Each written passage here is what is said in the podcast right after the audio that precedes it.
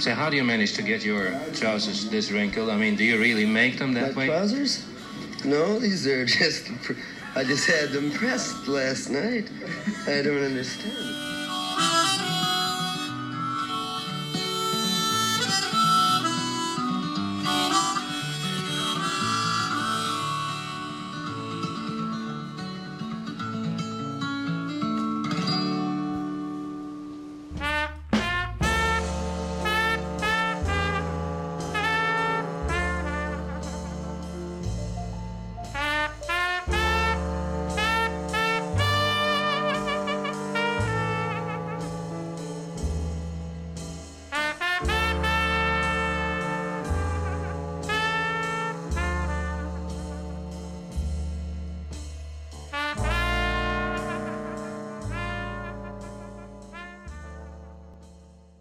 Välkomna till Vi snackar Dylan och det här kommer att bli det 83 avsnittet. Och här sitter vi på Reimersholme och det är eh, Rickard Dinter. Och vi har ju setts här förut och då gjorde vi Murder Most, Most Foul. Foul. Ja. Precis. En lång låt. Ja, det var roligt. Jag var inne på Söderbokhandeln som är en gammal fin bokhandel på Götgatan i Stockholm. Och det här var precis när den hade kommit ut, eller några veckor senare. Och då pågick låten där inne. Och jag sa till henne, vad fantastiskt. Ja, jag kan inte sluta. Jag måste spela om den på repeat hela tiden, sa hon. Den låg på repeat inne. Och det är en sån här sång som kan ligga på repeat. Alltså det är som att den inte... Man vill inte att den ska ta slut riktigt. Men idag ska vi prata om Blind Murder Most... Nej! Ja, det är det. Jo, men det där, det skulle, alltså, det har jag tänkt några gånger när jag har lyssnat på podden att eftersom hans låtar förändras i olika framträdanden Ja. så skulle man kunna prata om till exempel eh, Budokan-versionen av uh, Simple Twist of Fate kontra, Ja, ja. kontra Absolut, för, att, för, att, för att de ändrar sig. Men vi ska ju prata om Blind Willie McTell. Blind Willie McTell. Det, är roligt. det finns ju en, en, en, en liten sån här eh, historia. Det, fanns en, det finns ett band som heter Dream Syndicate som var ganska stora på 80-talet. Och grejen är att de, det finns en liveupptagning från 1988 där Steve Wynn säger så här, nu ska vi spela en låt som vi inte får lov att spela, för den finns inte. Och om vi säger att vi ska spela den här låten så får vi inte spela den. Så vi säger inte vem som har skrivit låten. Och så kör de Blind Will McTell. Alltså tre år innan den då kommer ut på den här Bootleg Series. Den svarta skivan, boxen. Där den här ligger och Series of Dreams som ligger tror jag på sista sidan där. Ehm, Vad har du för relation till låten? om jag skulle... Nu förändras det där. Man ändrar sig. och Vissa låtar eh, som känns som bästa låtar ena året, det ändrar sig. Men jag skulle nog placera den här... På min, om jag hade en lista så skulle jag placera den här låten väldigt högt. Jag blev ju knockad av den. Seen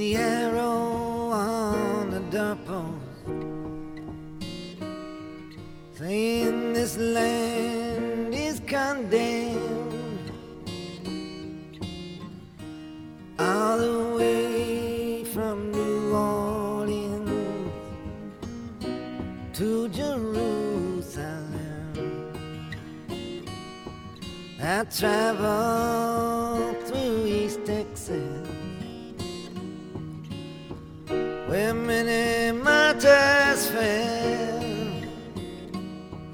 And I know no one can sing the blues like Blind Willie McDowell.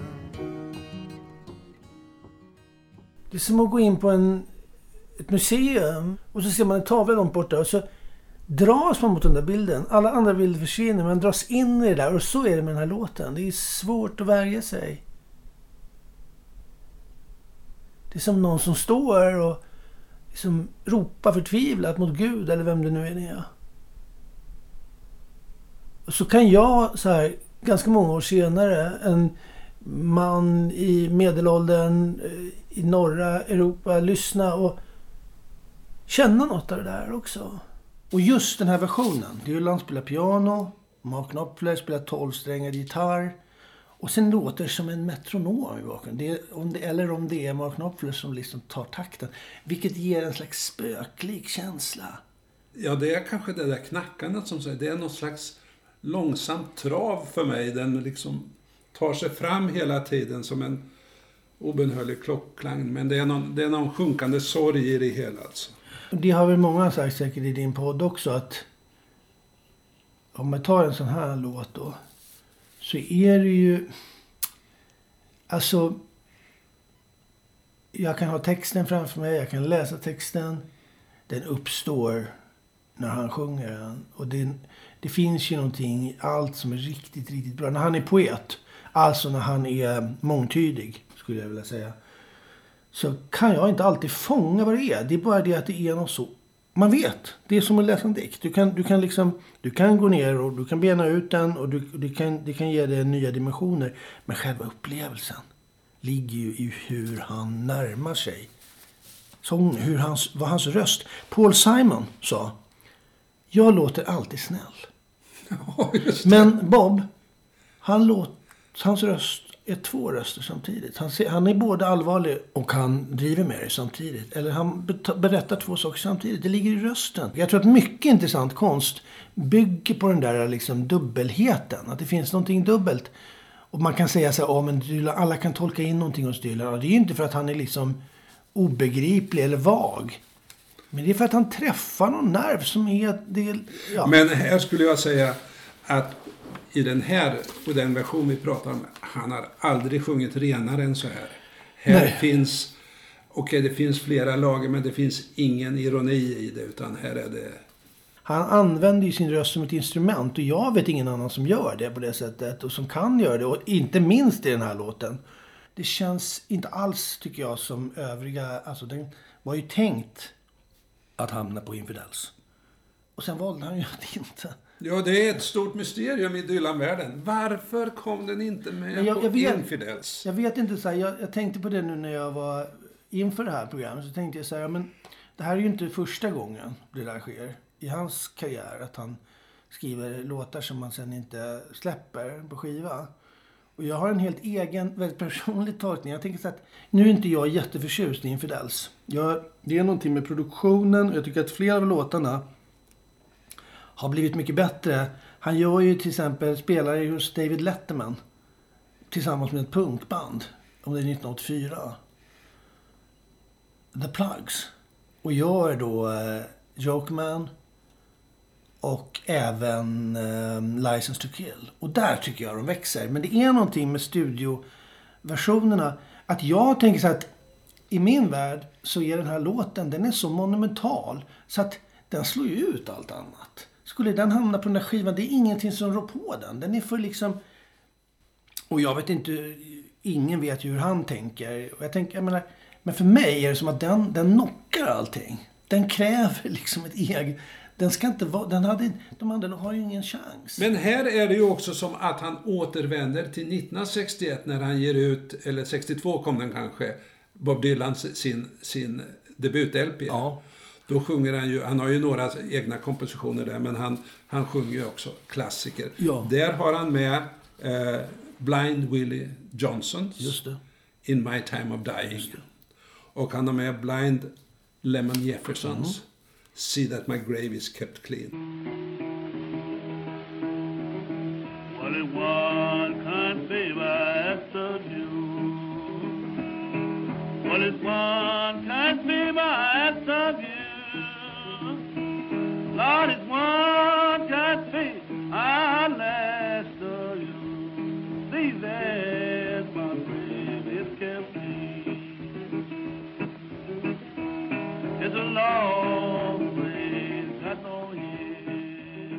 Om man pratar om bluessångare så de som jag lyssnade på på 60-talet, jag kommer inte ihåg Blind Willie McTell Nej. överhuvudtaget. Han var inte stor i Sverige Nej. på den tiden kan man säga. Däremot eh, framförallt Blind Lemon Jefferson var ju en av dem som, som lyftes upp i en slags revival alltså. Sen vet man ju inte. Vi har ju ingen aning hur, alltså hur låten... Jag, jag har en teori här att jag tror att han, alltså lite psykologi här, eller man stirrar in i hans ben. kanske skulle vilja skriva om Blind Willie Johnson eller Blind Lemon Jefferson istället. Men varför gjorde han inte det? Det går inte att rimma på. Det går inte. Nej, rent, det här är ren formalitet. Alltså, få, Ja, men han är ju lyriker, han är musiker, det måste, det här ska Mm. sjungas alltså. Och då Blind Willie McTell, du hittar många Ja. fina rim på det. Men om man skulle ta känslan i den här låten, så har du hört den här Blind Willie Johnsons eh, Dark was the Mm. night, cold was the ground. Ah, det är ju någonting utav det. Jag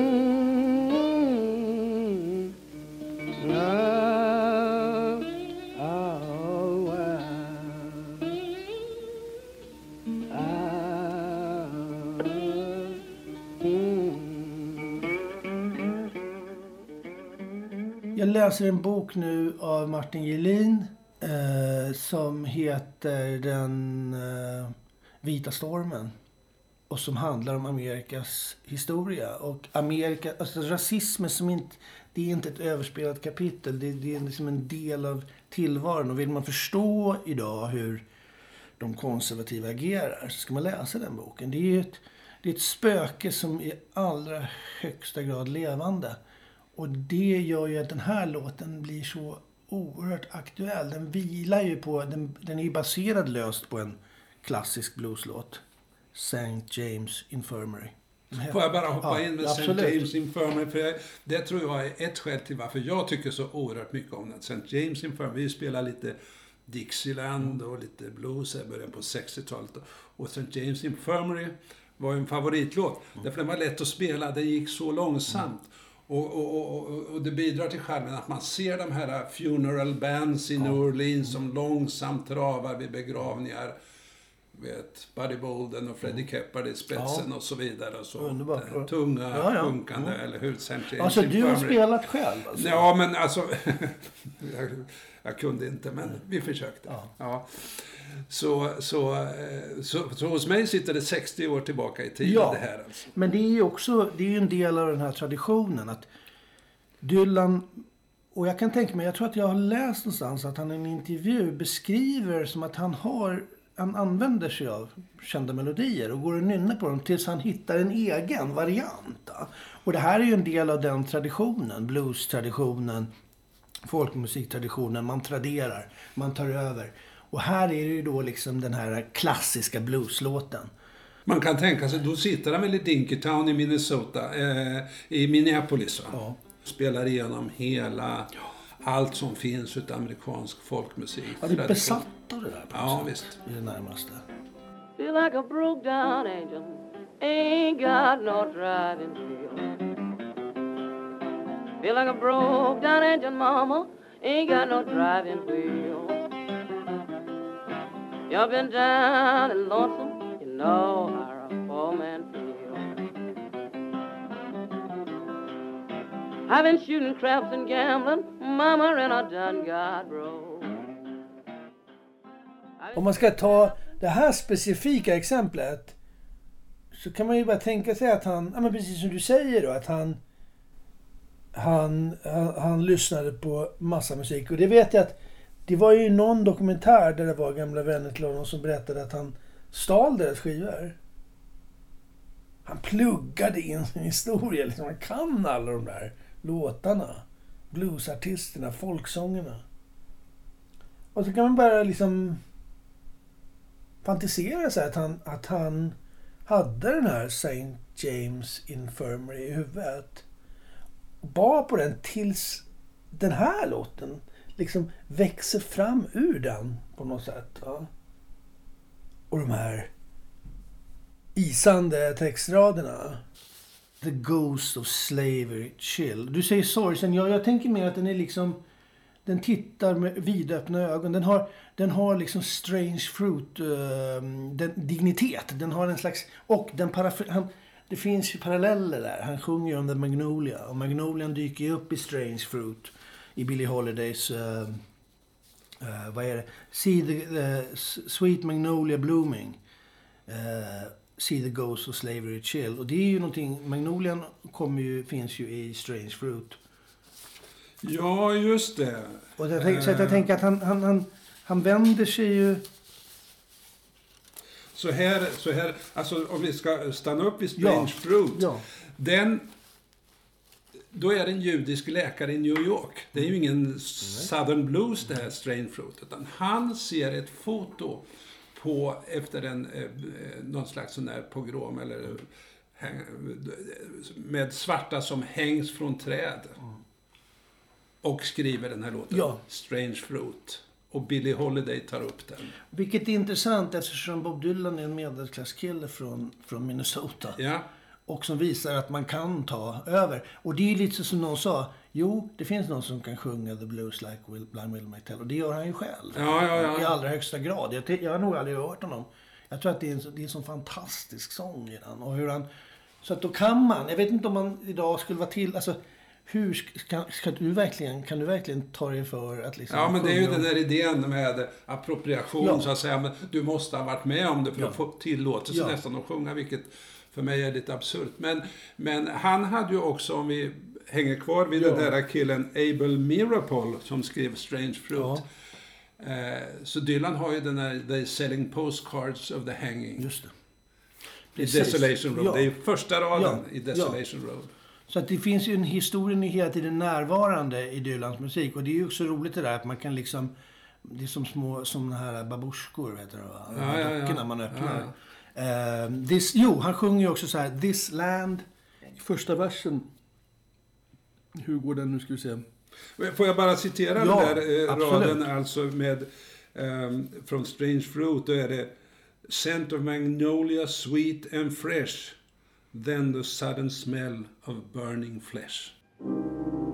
Southern trees bear strange fruit, blood on the leaves blood at the root. Black bodies swinging in the southern breeze. Strange fruit hanging from the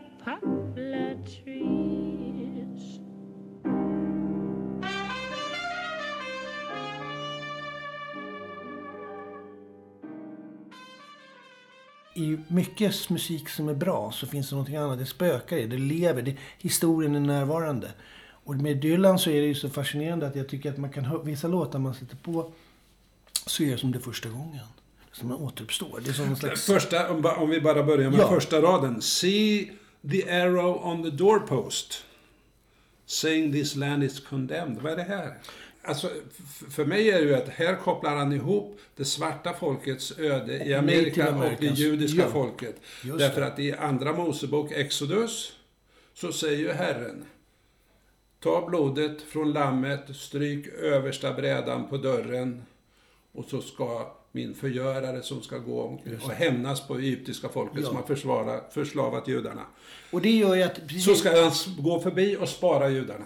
Ja, och det gör ju att låten fungerar på två plan. Ja, visst. Han sjunger ju också om This Land och det finns ju det finns en koppling tillbaka till Song to Woody. Eh, This land is your land, this land is my land. Och där finns det bibliska referenser Ja, till ditt land. Det finns bibliska... Det, så, så att, så att, och condemned. Ja, här, saying this land is condemned, därför i, i Bibeln sen när de vandrar ut från, från Egypten, då är det ju this land is promised. Ja. Men, men, men det här landet är Ja, condemned, ja. därför fattar man ju sen när man lyssnar på sången vad de har gjort mot Ja, de svarta. ja. Seen them big plantations burning, hear the cracking of the whips, smell that sweet magnolia blooming. Och det är väldigt, alltså, ett sånt här ämne. Herregud vad svårt att skriva om. Det är väl det som gör storheten med den här. Att, att, han, att förpackningen och innehållet går ihop i ett, ett, i ett ögonblick. Som är fem minuter långt. Ehm, det finns många. Har du någon sån här rad? Som du... Nej, men eh, de- den som du läser upp där är ju... När man hör sången så hör man ju särskilt när man inte har engelska som modersmål. Man hör, fattar inte alla ord Nej. och så vidare. Utan man hör några signalord. Men det som målas upp för en.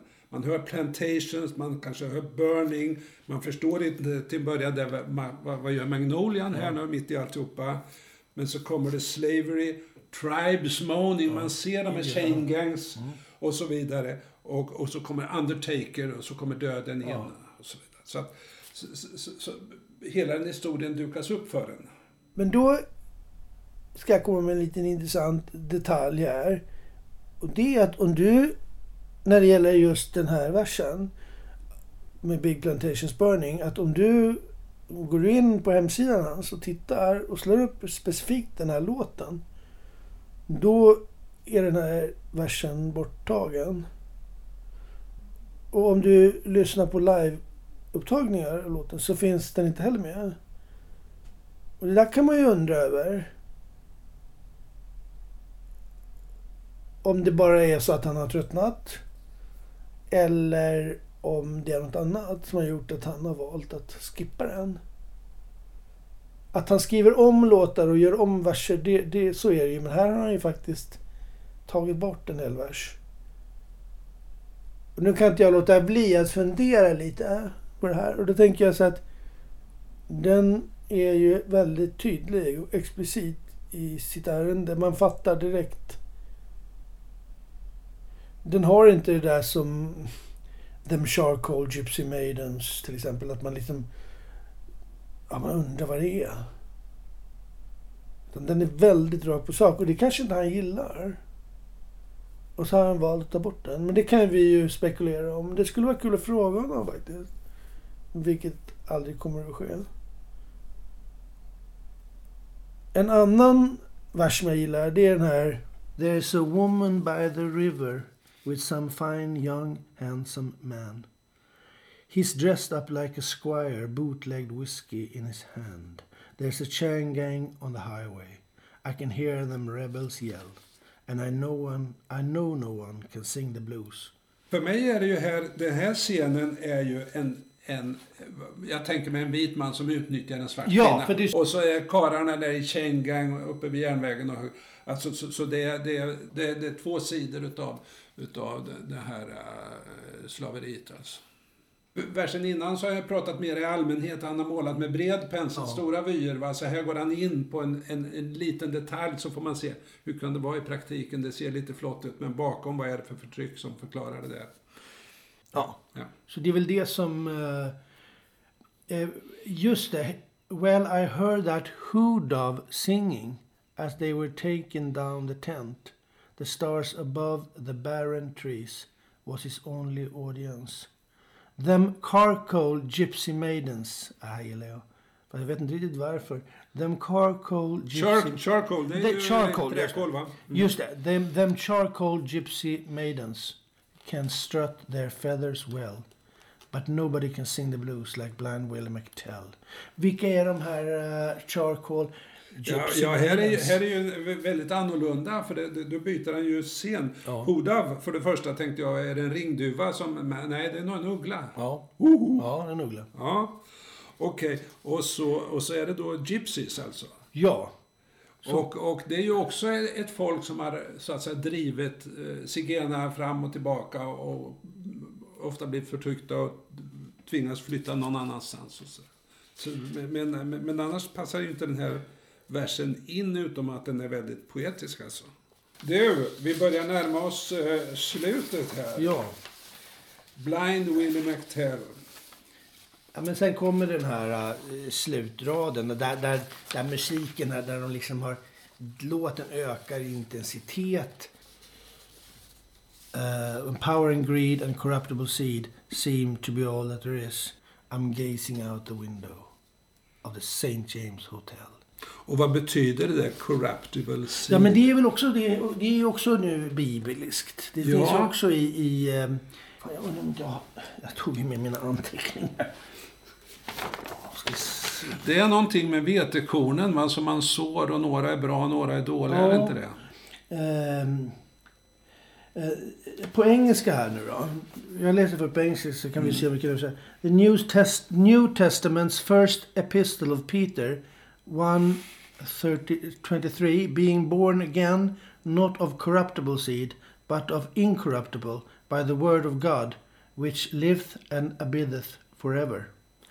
Being born again. Busy being born Ja, again. ja, ja, ja. Ehm, Men om vi, om, vi, om vi hänger kvar där vid sista versen som Ja. du säger va. Alltså han, han eh, tittar ut genom fönstret. But power and greed and corruptible seed. Mm. Det är ju liksom en hård dom över vad han ser i samhället nu va. Seem to be all that there is. och så, vilket hotell tittar han utifrån? St. James Ja. Hotel. Ja, det kan ju dels vara då St. James Infirmary som en koppling Ja. eller en hyllning till den låten. Som också dyker upp i Murder Most Foul faktiskt. Ja, ja. Ja, den låten dyker upp när han nämner alla. Ja, just det, just det, just det. eh, play, play... eh, Ja. St. James Infirmary tror vi. Eh, Och sen har han konst- konstaterat det och så kommer då slutraderna igen. And I don't know no one that can sing the blues like blind Willie Nej, men någon McTell. måste- Alltså då är det... Ja, men någon måste ju göra det. Jag tänker så här Ja. att det är väl det det handlar om mycket. Alltså, någon måste ju även... De måste ju göra detta. Och att han gör det nu och gör just detta. Det är ju han som... Han för ju vidare på detta sätt liksom. Och jag jag har funderat också... Va, alltså, skri, låten är skriven 1982. Det är alltså 20 år efter Blowing in the Wind. Mm. Den kan man ju tycka är fin. Och är en fin låt och den ställer frågor. Det är som att han liksom 20 år senare kommer med ett svar. Eller kommer med en... Ja, det är min... Det är en sån här känsla. Och, att, och den, den, är, den, han, det är också, den är också skriven precis efter hans... religi- Den här perioden med de här... Som jag tycker väldigt mycket om. De här religiösa plattorna. Och... eh, Och... och, och, och, och 82, då har Reagan tagit över i Amerika. Och det förstår man ju också när man läser den här uh, Elins bok. Att Reagan var ingen... Det var, det var mycket rasism där alltså. Så För jag funderar lite på den- när den skrivs. Och ja, sorgsen. Jag tänker igen att den är liksom... Ja, den är sorgsen men den är också som... Den är bara som att... men här har vi haft... Jag har haft de här frågorna tidigare. Men här är svaret. Det finns inte, några, Ja. det finns inte så Ja. mycket vägar ut Ja. ur det här. Och då kan man ju tänka sig, varför lyssnar hon på någonting som är så... Som är så... Varför lyssnar man på någonting som är så mörkt? Sorgset? Ja, mörkt skulle jag säga. Och eh, här står vi liksom. Med vår maktbegär och vår... Vår, vår, vår, vår our corruptible seed. Seem to be all that there is. Och någonstans är det ju väldigt vackert. För det är ju en, det är en väldigt vacker låt. Han, och just det där att den är så, så... Det finns inget annat. När, man, när jag hör den så är det liksom... Det, det, den har den digniteten. Man glömmer allt annat. Det finns bara det. Jag tror att det är han ju ganska ensam om. Och, det, och så gör han ju det. Han Ja. sjunger ju The Blues like Blind Will McTell. Alltså Ja, det gör- är så. Man, man, man säger ju ibland att konstnärer, det, det, alla porträtt de gör är självporträtt. Och det här är klart att det finns ett slags outtalat hopp. Jag hoppas att, att ni lyssnar på mig som, som jag lyssnar på Willie McTell. Innan vi slutar så vill jag bara göra en, en hyllning till Mark Knopflers tolvsträngade gitarr här. Och Bobs pianospel. Därför att det är, plus den här rösten, alltså det, det bär Ja, och sen den här... den här texten. Ja, ja. Det där, den, där, den, Ja, där, ja, ja. den där knackningen, eller jag, jag vet inte vad det är. Jo, men jag tror att det har ju... Och det är väl Dylans sätt att spela in, tänker jag. Någon beskriver ju någon annan version. Någon annan av Dire Straits-medlemmarna var, på, var på toan. Och Bob körde igång. ja just det. Och så kommer han ut. Men det är en annan, en annan version av den här. Men som tur var så funkade det. Alltså han gör det nu. Och i bästa fall så förblir det där nuet nu också nu. 20-30 år senare. Det finns en slags... någon- Bra, vi slutar där. Yes. Eh, Rickard, tack ska du ha för att du själv. fick tillfälle att prata om Tack. den här låten.